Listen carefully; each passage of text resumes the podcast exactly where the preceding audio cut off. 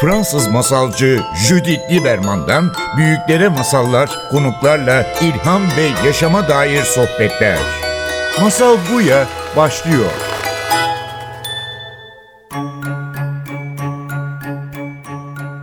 Masal Buya'ya hoş geldiniz. Bugün stüdyoda Pınar Çakıroğlu ile beraberiz. Pınar hoş geldin. Hoş bulduk. Pınar psikologsun ve daha önce bu programda seni ağırladık. Evet. Birkaç sohbetlerimiz oldu. Ee, tadını damağımızda kaldı. O yüzden seni tekrar çağırdım. Bugün konumuz mutluluk belki bir soru işareti ile birlikte. Mutluluk yani biraz bir obsesyon olmaya başladı bu mutluluk. Yani mutlu olmak istiyoruz.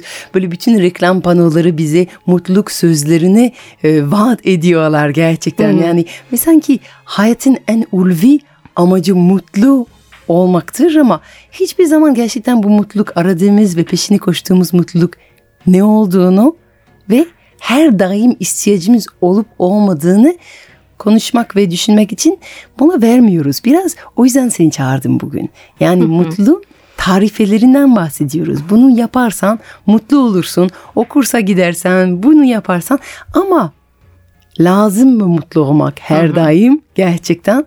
Bir de nasıl tanımlayabileceğiz bu mutluluk dediğimiz yani masallarda da e, çok bahsediliyor. Zaten masalların en meşhur söz mutlu son. Yani masalların vardığı yer mutlu son. Bizim de masalımızın vardığı yer mutlu olmak zorunda. Ne koyuyoruz bu paket içine? E, Oradan başlayalım istersen. Öncelikle çok teşekkür ederim tekrar davet için. Mesela şeyi söyleyebilirim. Çok mutlu oldum tekrar davet ettiğin için. Ee, mutluluğu tanımlamak çok kolay bir şey değil gerçekten. Çünkü elle tutulur, gözle görülür bir şey değil. Avucumuzda geliyor, gidiyor gibi düşünebiliriz bir Ve yandan gidiyor da. yani geldiği gibi de gidiyor. Kalabilir mi gerçekten hep? Şimdi kalsın çok istiyoruz değil mi? Yani çok doğal bir şey, çok doğal bir ihtiyaç bir yandan da. Şöyle tanımlamakla başlayabilirim aslında. İkiye ayırabiliriz. Şimdi birincisi mutluluk dediğimiz bir duygu. Evet. Çok doğal. Bebeklerden bileceğin üzere. Evet. Ee, yani korku gibi, öfke gibi bizim işimize yarayan, bize bir sinyal veren bir şey e, aslında temel olarak. Her şey yolunda diyor. Haydi. Aynen öyle. Doğru Her şey yerdeyiz. yolunda. Halin vaktin yerinde. Burası iyi. Sen burada dur demeye çalışıyor bir yandan. Aksi takdirde mutsuzluğu hissettiğimizde de o da bir sinyal veriyor ve şey demeye çalışıyor bize. İşte burası bir e, sorun var burada, sıkıntı var, e, başka bir şey yapman gerekiyor olabilir mi gibi bir soru. Ya da bazen de şöyle olabilir mutsuzluk bir şey kaybetmişsindir ona üzülüyorsundur, mutsuzsundur ve bunun aslında gelip geçmesini de beklemen gerekir. Yani onu yaşaman da gerekebilir. Ya bütün duygular zaten geçici ama mutlaka bize çok önemli bir Aynen. mesaj veriyorlar. Yani sonuçta rahatsızken böyle kendi kendine yok rahatsız değilim, yok çok iyiyim, yok her şey harika. harika. Bebeğimden bebeklerden Evet, bahsettin evet. aklıma tabii ki e, Mira geliyor hemen. Şu an o kadar net görüyorum ki tok, kuru, e, uykusunu almışken cillop. Gerçekten yüzde yüz mutlu. Ama ıslak ve açken mutlu değil elbette. Ve şey diyemeyiz yani zihnini kontrol etmeye çalış ve tok ve kuru olduğunu hayal, Hayal et. Yok orada aslında bu mutsuzluk faydalı. Ona diyor ki haydi dünya değişsin. Birkaç böyle iletişimler kurayım, biraz bağırayım, biraz kendimi hatırlatayım ki e, rahatıma tekrar kavuşabileyim. Doğal ve faydalı. Aynen. Mutsuzluk da faydalı yani. Aynen yani pusula gibi bize nereye gitmemiz gerektiğini e, işaret veren bir şey. Fakat bu dedin yani reklam panoları işte e, tüketim neler tüketeceğiz nereye gidince mutlu oluyoruz bakın söz mutlu olacaksınız gibi şeyler. Bunlar aslında şöyle bir ikinci tanıma girebilir. Doyumlu bir yaşam. Mutlu insan, mutlu bir hayat sürmek. Hani daha bütüncül bir şey. Başından sonuna hayal ettiğimiz bir yer aslında. Mutlu muyum, değil miyim? Orada biraz evet karışıyor. Çünkü e, tam başında söylediğin gibi yani bir obsesyona, bir takıntıya dönüşürse aslında orada tam da çıkmaza giriyoruz. Çünkü biz mutlu olmaya çalıştıkça o mutluluk giderek bizden uzaklaşıyor. Evet. Daha da yakalayamaz hale geliyoruz. bir dipsiz kuyuya düşebiliyoruz aslında. Bir tatminsiz, hep yeterli yeterli olmadı yani. Alışıyoruz değil mi? Yani boğaz manzaralı bir ev istiyorduk. Oldu. Çok güzel ama birkaç ay sonra görmemeyi başlıyoruz ve şimdi bu ev küçük gelmeye başlıyor. Yani o tatmin etme sürekli yani büyümesi gerekiyor. Sürekli daha fazla olması gerekiyor. Doyumsuzluk orada e, o mutluluk halini çalıyor bizden. Hı hı. Tabii şöyle bir döngü de var. Şimdi biz ne yoksa elimizde o bizi mutsuz ediyor ve onu karşılamaya çalışıyoruz. Hatta şöyle bile düşünebiliriz. Mesela işler çok yolunda, planlarım var. Yarın e, bir e, projeye başlayacağım ya da işte çok sevdiğim arkadaşlarımla buluşacağım, mutlu olacağım planı yaparken birden hasta oluyorum. Grip evde 3 gün yatmam gerekiyor ve tek dediğim şey e, sağlığım en önemli şeymiş. Sağlığıma kavuşayım yeterli. Fakat o geldikten sonra e, yine bu sefer yine arkadaşlarım, yine projelerim, yine hayallerim devreye giriyor. Dolayısıyla bu bir döngü. Bunu önce kabul etmemiz gerekiyor. Bu döngüde hep sürekli içimize bakıp benim neye ihtiyacım var e, deyip onu takip ediyor olmamız önemli. Ve bu da çok önemli çünkü yani orada diyorsun ki içe bak Hı hı. Benim ne ihtiyacım var? Hı hı. Oysa ki dışarıdan bizi dağıtılan bir takım kurallar var. Bu yoksa mutlu olamazsın.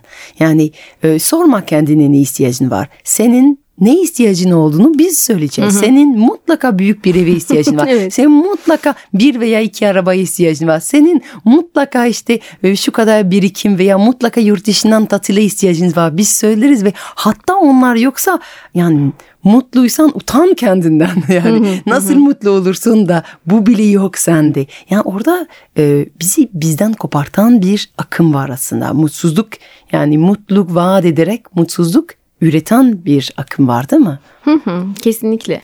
Tabii etkilenmemek çok mümkün değil bir yandan da. Dolayısıyla yani şu mutluluk kavramına şöyle hem psikoloji hem felsefe sürekli cevap aramış zaten yüzyıllardır buna cevap arıyoruz. Ee, nasıl mutlu olacağız diye. Ee, bununla ilgili hani bir iyimser taraf var, bir kötümser taraf var. Kötümser taraftakiler şöyle söylüyor. Hiçbir zaman mutlu olamayacağız. Çünkü e, insanın arzuları bitmez. Evet. Onu doyurmak mümkün değil. Dolayısıyla sen mutlu olamayacağını kabul et. Acıdan kaçın, hazza odaklan, andakilere ve mutlu ol. Bu sanırım Freud demiştin bunu yani özellikle Freud, bu bakışı e, evet, savunuyor. Evet işte Schopenhauer, Kant'ın felsefesi vesaire. Ama bir de Doğu felsefesi daha böyle bilge, Doğu ve Batı'nın bilgelerinin söylediği şey daha iyimser. Çünkü onlara göre aslında dış dünyayı biz içimizdeki arzulara göre ayarlamaya çalışmadığımız sürece aslında yine içe bakın dedikleri bir yer var.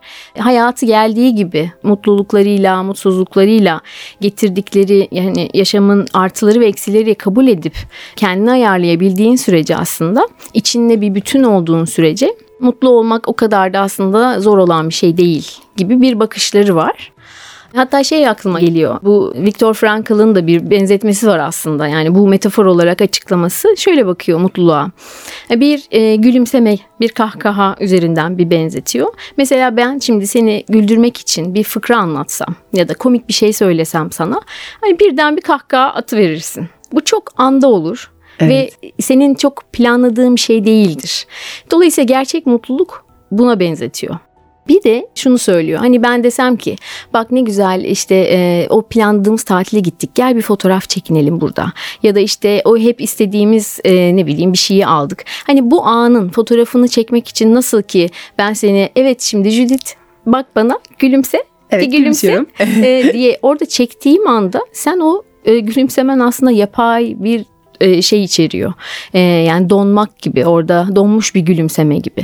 Dolayısıyla hep şuna vurgu yapmış düşünürler. Bir anlamı bağlı olmalı bizim yaptığımız şeyin. O yüzden anlamı olmadan dışarıdan aldığın bilgiyle işte 3 odalı evde oturmaktansa 4 odalı evde oturmak daha sana konfor sağlayacak diye dışarıdan gelen bilgiyle hareket ettiğinde ve senin ihtiyacın mı diyeyim diye kontrol etmediğinde onu e, elde ettiğinde bir an mutlu olursun. Çünkü evet rahat, güzel, evet hoş ama e, orada kalır e, gerçekten. Yani bunu içine sindiremezsin diye düşünebiliriz belki. Evet senin bu söylediklerin yani özellikle iyimser bakışı ile ilgili bahsediyordun işte doğudaki filozoflarla. Bu e, beni bir sohbeti hatırlatıyor. Sylvia Boorstein diye bir e, Budist var Amerika'da çok meşhur bir Budizm hocası. Ve o da bir e, görüşmede şey anlatıyordu. Onun ilk Budist e, hocası aslında onun anneannesi olduğunu. Kadın hı anneannesi Budist değildi. Kendisi Yahudiydi. Ama diyor ki ben işte çocuktum ve eve geliyordum. Bir şikayet ediyordum. Diyor ki anneanne işte çok sıkıldım. Anneanne ne yapacağım bilmiyorum. Anneanne hiç mutlu değilim bu durumdan. Ve diyor ki anneannem hepimize her zaman bu sesle diyordu ki aman kızım kim dedi ve nerede yazılıyor ki her daim mutlu olacaksın. Yani orada çok aslında Budizm de e, temel felsefesi bu. Yani hayat hep rahat olmayacak. Hayat işte zorlukları içeren bir deneyimdir. Seni zorlayacak, seni köşeye atacak, seni biraz sarsacak ve zorlanacaksın. O yüzden bekleme her an mutlu olması gerektiğini zannediyorsan o zaman tabii ki çok hayal kırıklığı uğrayacaksın. Ama mutluluk da olabilir. O her daim olmayacak. Ama mutluluk seni bir köşede bekliyor olabileceksin. Tam planlamadığın bir anda, tam belki de fark etmediğin bir anda. Biraz şey dediğin gibi yani biri sana birden bir sürpriz yapıp ya da bir fikra söyler gibi birden kendini kahkaha atarak bulursun. Birden kendini mutlu olarak bulursun ve şaşırırsın. Ve gelir, oh ve gider belki de. Ama gittiği zaman şey üzülme deme aman şu an mutlu değilim. Hı hı, e, hı. kim dedi ve nerede yazılıyor ki her daim mutlu olacaksın. Çünkü bundan da sen e, de bahsediyordun. E, bazen zor bir şey ve çok istediğimiz ve bizi çok mutlu edecek bir şeye ulaşmak için Hı hı. mutsuz zamanlar geçirmemiz gerekiyor değil mi? Aynen öyle. Yani bu mesela diyelim ki ben üniversiteyi bitirmek istiyorum. O diploma beni istediğim mesleğe kavuşturacak. Ama bu dört yılın sonunda olacak. Ve e, o an mutlu olacağımı bilsem bile ben o dört yılın içinde kim bilir ne kadar kaygılanacağım sınavlar için ya da başka şeyler başıma gelecek vesaire gibi. Yani aslında hep derler ya mutluluk bir yolculuk gibi. Yani o yolculuğun sonundaki anlam benim için önemli. Yani o anlamı oluşturabilirsem ki bütün araştırmalar mutlulukla ilgili e, buna vurgu yapmış aslında. Yani hayatında bir anlamı olan kişiler e, aslında mutlulukla ilgili e, o ölçekleri daha yüksek puanlı doldurmuşlar. Evet çünkü şu an çektikleri zorlukları neyin adına çektiklerini biliyorlar en azından. Aynen. Evet şu an hoş bir zaman değil. Evet şu an kuyruktayım. Evet yarın sınav var ve kaygılanıyorum. Ee, Evet şu an büyük bir meblağ ödemem gerekiyor ve çok yetiştiremiyorum bunları veya biraz böyle e, fedakarlık etmem gerekecek. Ama ne için bunları yaptığımı bildiğim için Aynen. ve gün sonunda istediğim bir şey olduğunu biliyorsam o zaman evet dayanabiliyorum, bekleyebiliyorum, e, devam edebiliyor. Evet. Ama biraz önce dediğin e, hani, hani her daim mutlu olamayacağımız gibi yani bu nerede yazıyor demiş ya. Gerçekten sanki şu anda hani sosyal medya işte reklamlar dediğin gibi gerçekten bir yerlerde yazıyormuş gibi okuyoruz biz onu. Ve mutsuzluğa alerjimiz varmış gibi davranıyoruz. Evet hep Mesela- pozitif olmak lazım değil mi? Aynen. Hep pozitif. Aa, hele biri mutsuz veya bir şikayet Evet. ediyorsa "Oo, olamaz bunu bastıracağız. Cık, Tabii. Buraya mutlu havası, mutlu hava havası. yani. Evet. Yani bunu e, yok etmen gerekir. Yani mutsuzsan sen zaten başarısızsın bu hayatta gibi bir hava esiyor. Halbuki biraz başında konuştuğumuz gibi bu bir sinyaldi. Ama biz buna kapılınca bu sefer gerçekten o mutsuzluğu durup bir dakika ben ne istiyorumu bir kenara bırakıp bunu yok etmeye çalışıyorum. Uyuyorum, yemek yiyorum, güzel şeyler yapıyorum. Mesela tabii ki anlık mutlulukları yakalayabilirim ne bileyim işte çikolata yerim. Çok sevdiğim başka bir yere giderim. Yani onlar kötüdür anlamında söylemiyorum. Ama o asıl kaynağı ben bilmezsem sürekli yok etme çabası halinde olabilir bu. Bastırma, kaçmak, biraz Kaçmak. oluyor. Aynen öyle. Yani kendimi oyalamak ve mutlu olmayı sağlayabilmek e, gibi. Dolayısıyla belki şey diye ayırabiliriz. Yani ya ihtiyacımın farkında değilim. E, beni ne mutlu edeceğini bilmiyor olabilirim. Bu diyeceksin ki nasıl olur insan bilmez mi? Evet. Yani bazen gerçekten unutabiliyoruz. Çocukken işte e, şimdi kendi çocuğuna baktığında ben kendi çocuğuma baktığımda gerçekten o kadar akışta o kadar spontan ki e, oyunlu mu bitiyor karnı mı acıkıyor E, bunları hep takip edip sahip çıkıyor. Fakat büyürken olması gerekenler bizim ideal benlik dediğimiz. Yapılacak şeylerin listesi Aynen. bitmez bir yapılacak şeylerin listesinden dolayı. İşte iyi bir aile kurmak, başarılı bir işe sahip olmak, işte eve, arabaya sahip olmak gibi ya da birçok başka bir şey. Çevremiz Ama memnun hiç etmek. bitmek, hiç bitmeyen bir. Çünkü başarılı olmak mesela sonsuz bir yer gibi. Başarılı oldum fakat daha da başarılı olabilirim. Daha Evet. da olabilirim. Daha da olabilirim. Bu bizi doyumsuzluğa aslında götüren bir şey. Ee, ne yazık ki. Evet. Peki ama bu e, sosyal medya çok güçlü olduğu bu çağında sürekli aslında bir kıyaslamaya da atıyor bizi yani. Ben şu an işteyim ama görünüşte benim tadındığım herkes sahilde eğlenmekte. Yani herhalde bir ben şu an trafikte durdum yani. Geri kalan herkes e, paraşütle atlıyor yani. Öyle bir hissiyat veriyor olabilir tabii ki. Çünkü insanlar sadece mutlu anlar paylaşıyor Tabii. sosyal medyada. Yani zorlandıklarımız a- zorlandığımız anları paylaşmıyoruz. İşte mutsuzluklarımızı paylaşmıyoruz veya üzüntülerimizi paylaşmıyoruz. Çoğu zaman. Mutlu mutlu mutlu ve e, bu işte bu zorunlu her daim mutlu olmak ve mutlu hissetmenin baskısı aslında ağırlaştırıyor. Bu dünyada bize sohbetimizin sonuna geliyoruz. Son verebileceğin bir tavsiyen var mı? Yani çok tavsiye hani en başında dedik ya reçete vesaire gerçekten yok. Keşke olsaydı mesela verirdim olurdu. Ama ne diyebiliriz? Mesela e, bahsettim yani araştırmalar yapılmış vesaire. Bunların aslında hepsini toplayınca üç ana faktör altında toplanmışlar. Bir anlamı. Hani biraz önce hep bahsettik. Yani bir anlamının oluyor olması önemli. Bu anlam ama çok soyu, çok felsefik, aman da hayatın anlamı ne gibi bir yer değil. Benim için, senin için hayatın anlamı e, şu an çocuk büyütmek olabilir. Ama 10 yıl sonra farklı bir şey olabilir. Bir de değişken. Ya da ne bileyim hayatın anlamı doğayla iç içe yaşamak olabilir. Ya da bir şirkette başarılı bir projenin altına imza atmak olabilir. Bunların hepsi olabilir. Ama o anlamın içinde e, iyi hissedip hissetmediğime bakmam. O anlam benim anlamım mı yoksa annemin babamın anlamı mı, toplumun toplumun bana yüklediği anlam mı? Bir oralara bakmak önemli. İkincisi bu faktörlerden ilişki. Yani bağ. Ee, bu bağ e, Çok önemli. tahmin edebilirsin. Bağ kurmak, ilişki çünkü bizim ihtiyacımız aslında çok temel hepimizin. Sevilmek, e, sevmek, e, Görülmek. görülmek, takdir edilmek. Bunların hepsi ilişki içerisinde olacak. Dolayısıyla ilişkilerimde nasılım? İlişkilerimden gerçekten doyum alabiliyor muyum?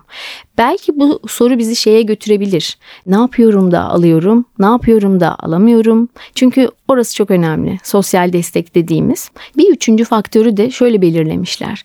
Üretmek. Hmm. Şimdi üretmek deyince şey gibi duyuluyor. Herkes bir şey mi üretecek harıl harıl? Tabii ki değil. Yemek yapmak da bir üretmek. Evet. Ee, örgü örmek de bir üretmek. Dediğim gibi yine proje yapmak da üretmek. Burada aslında vurgu şu. Kendi içimizde potansiyelimizi dışarıya çıkartmak gibi bir arzumuz var bizim.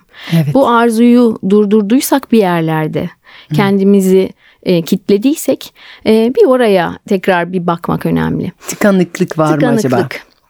Evet.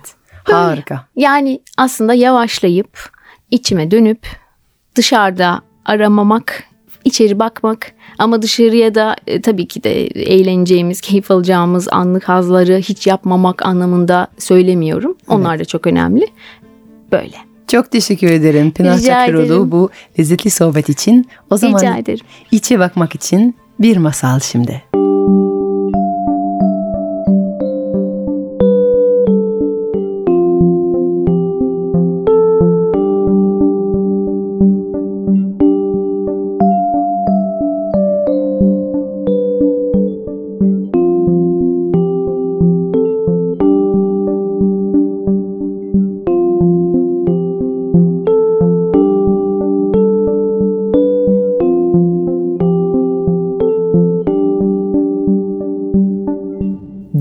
Dünya tazeydi daha.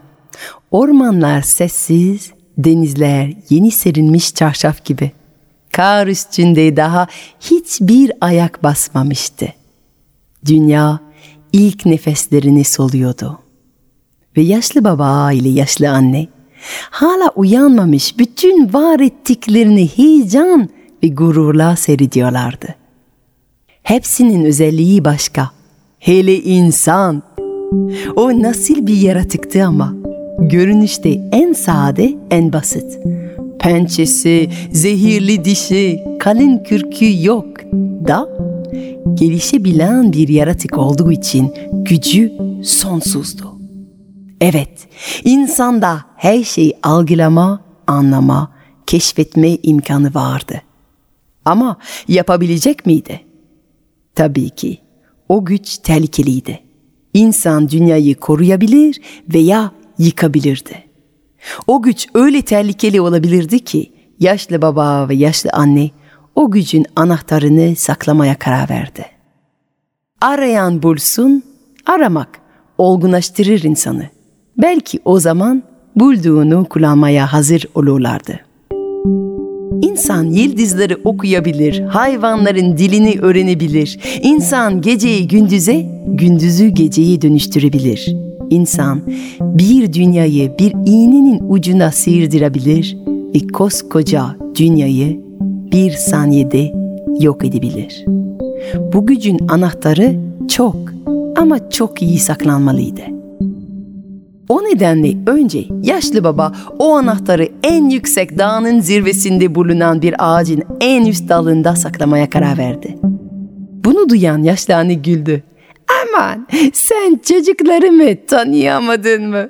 Onlar uyanır uyanmaz gözleri hep zirvede olur. Akşama kadar tırmanmadıkları dağ kalmaz ki. Yaşlı baba ona hak verip başka bir yer arayıp buldu. Evet, anahtarı en derin okyanusun dibinde, en karanlık mağarada saklayacaktı. Yaşlı anne yine güldü. Sen çocuklarımı tanıyamadın. Zirveye ulaşır ulaşmaz aşağıya bakarlar. O zaman okyanusların derinleri onları çağırır. Durmadan, nefes almadan hemen en derinlere dalarlar. Kaldırmadıkları taş, girmedikleri mağara kalmaz. Yaşlı baba yine ona hak verip başka bir yer aramaya koyuldu. Birden durdu. Yüzünde zaferin verdiği heyecan ve muzip bir sırıtış vardı.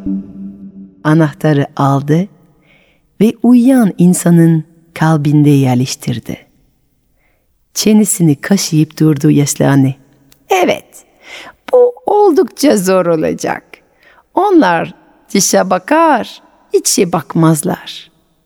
Ama arayan bulur yine.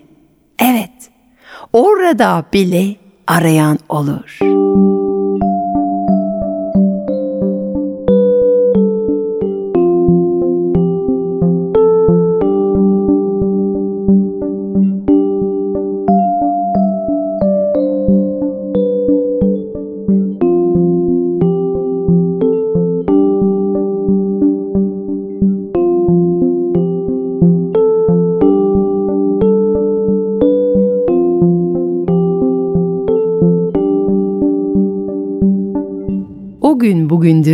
İnsanlar tırmanıp dalıyor.